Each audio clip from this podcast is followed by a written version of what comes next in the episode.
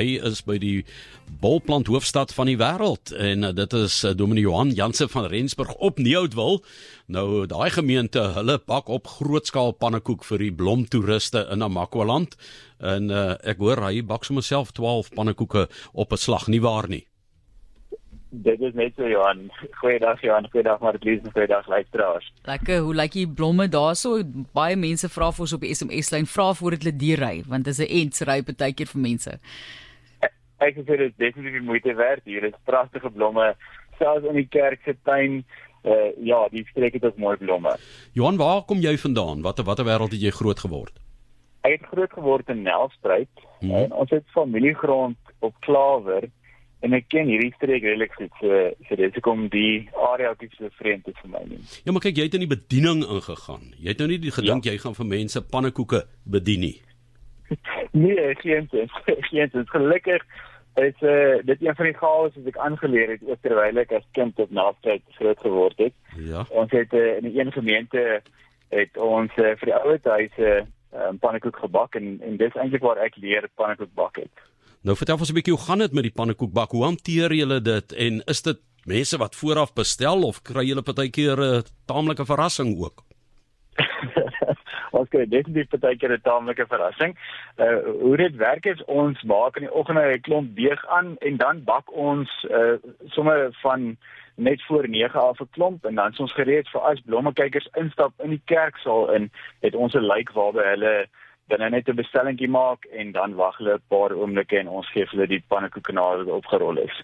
Ehm um, busse wat kom uh, kan gewoonlik so vooraf uh, binne by my sommer bespreek en sê ons is 30 of 40 mense en ons soek uh, eh, 60 of 80 pannekoeke en dan as hulle stop dan het ons dit vir hulle gereed. Hmm, dit lyk my dit is gewild om 2 per persoon te bak volgens daai somme van jou. Uh, maar kom ons praat 'n bietjie oor kollekte en die kerk. Ehm um, julle het 'n baie interessante geskiedenis. Ehm um, die hele uh, ontwikkeling van die gemeente stam daar eintlik lyk my van 1847 af al, né? Ja, ja, die die e-, eintlik is die die moedergemeente gewees wat Calvinia se gemeente was en toe van 1875 af het uh, die gesprekke begin om in vernieuwd wil in die streek sy eie kerk uh, te stig. Maar Willemsrivier, verstaan ek, sou eers die kern van die dorp gewees het daar. Dit sou ja. Ja, dit is waar die ou kerk ook in 1885 uh, uh, aan mekaar gesit is. En uh, toe het hulle agtergekom dat die die aanlei van die dorp gaan nie lekker daar werk nie en uh, toe het geskuif na Groenrivier toe wat juist nou grond beskikbaar gehad het en dis het die kerkraad die opdrag gegee dat hulle die kerk plaas en skuif na die grond toe wat Groenrivier beskikbaar gestel het. Ja, kyk, dit was 'n tyd toe daar nog loopgrawe ook gegrawe is daar en daar's baie verdrae gesluit en uh deel ja. van die Suid-Afrikaanse politiek met met generaal Jan Smuts, hè? Ja, ja. Ja, en in 1902 is die dominee wat toe as amper sê net in die nuwe pastorie ingetrek het, hy en sy vrou en sy kinders gevra om om uit die pastorie te gaan sodat die pastorie se voortgebruik kon word. Maar hoekom het julle dan by die kerk 'n skuld monument wat nou ek bedoel mense wat geld skuld? Daar daar is 'n interessante verhaal. Daar's daar's twee dele aan die skuldmonument. Nou as die mense hier op nuut wil kom en hulle staan voor die kerk, is dit die monument aan die linkerkant uh, van die kerk. En uh, daar's 'n legende wat lui dat uh, een van die kerkamptenare het weggeloop met die geld wat bewillig is vir die kerk se bou. En uh, hy het 'n slim plan beraam. Hy vra toe vir sy familie om 'n vark te slag en die in die kus te sit en daar's toe vir die kerkamptenare amptelike begrafnis gehou uit die kerk uit in die lijkswaar wat nou op die regterkant van die kerk staan en hy is in die kerk of begrawe maar een van die kerkraadlede loop hom toe later in Namibië raak of destyds Suid-Afrika en hulle kom toe terug en grawe die graf oop en kry toe uh, die vark in die kus en toe die kerkamptenaar letterlik en figuurlik die vark in die verhaal. So dit is net so lekker verhaal om te om te vertel. Maar die ware verhaal is dat ek ook nou uh, agtergekom het my oplees weer oor die geskiedenis van die gemeente was uh, die gemeente swaar getrek het en dit hulle skuld uh, gehad van so 8000 pond wat toe opgeloop het op rente na 11300 En eh uh, toe die die dominee wat toe aangestel is, die WP Steenkamp, net die ouderlinge en die Hakens destyds die geld weer bymekaar gemaak. So is eintlik 'n baie mooi verhaal in die geskiedenis uh, van die gemeente oor hoe hulle in 'n baie moeilike situasie weer uh, staande uh, gekom het en en ja, die skuld ook gedelg het. En ek het net op verwys daaraan hulle sê Dominee Johan Jansen van Rensburg kan self 12 pannekoeke bak. Is is dit so?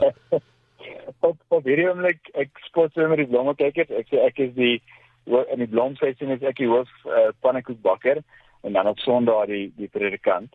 Uh dit is ek ek sê dit nou spreek dat ek leer pannekoek bak en uh, op die oomblik hardloop ek 12 panne self. Uh, en as ons dan nou volstoom hardloop met die panne in die ritme reg, dan het jy elke 2 minute 24 pannekoeke. So 12 apostels, né? en uh, as as as een vasbrand dan noem jy hom maar Judas, né? Nee, net so. Yes. Vertel ons die geskiedenis van die uh pannekoek fondsinsameling eintlik vir julle kerk gedurende die blomme seisoen. Wie se idee was dit en hoe lank gaan dit al aan? Dit het in 1994 begin juis as as ook 'n fondsinsameling in 'n druktyd in die gemeente se geskiedenis. Toe ehm um, Dominico wat voorheen hier was, 'n vrou uh, Erma het die projek begin op die huidige pastorie se stoep en sy het 'n koffie en pannekoek uh, aangebied vir die blomkykers. Maar natuurlik omdat almal in Suid-Afrikaanse kultuur mal is oor pannekoek het die projek net te groot gegroei en toe skuif dit na die kerksaal toe waar ehm um, hulle toe al die toerusting gehad het om te kan doen. Destyds het hulle nog die deeg kilogram per kilogram aangemaak en dit was gewone meel. So dit was 'n gewone ehm um, pannekoek resep En uh so in die verloop van die tyd het uh hulle besluit om brysmeel te gebruik en dit is waar een van die tannies betrokke geraak het wat vandag nog betrokke is by die uh projek van die Anna. Sy staan in die kombuis op my regterkant en sy is omtrent my regterhand ook in die kombuis. Sy is die een wat die deeg aanmaak en die een wat die pannekoeke met suiker strooi uh en die pannekoeke oprol. Ek uh, moet sê byvoorbeeld jammer vir al die diabetes wat uh, verbykom want dan aan hy het nogal so swaar hand wat suiker aan betref.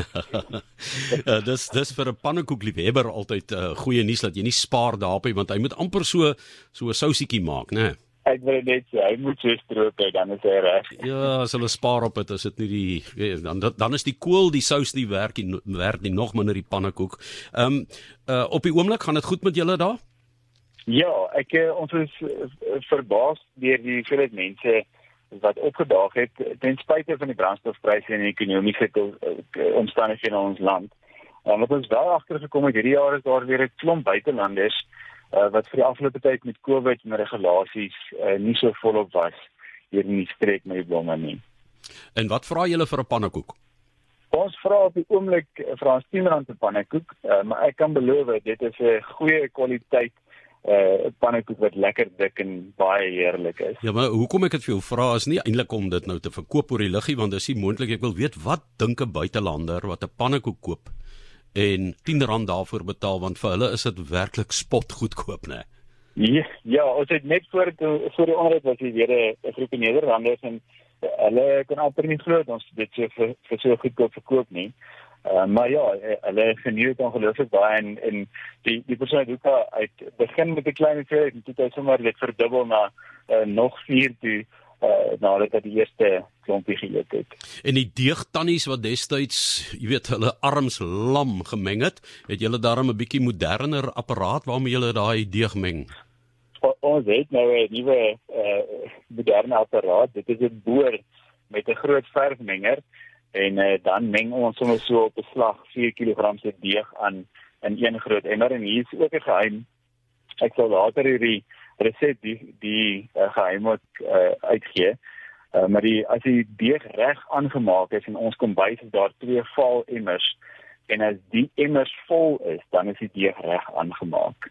As jy dan die ander is die een wat altyd kyk dat die deeg reg aangemaak is en dat die twee val emmers vol is nadat die deeg met die boor finaal geklit is.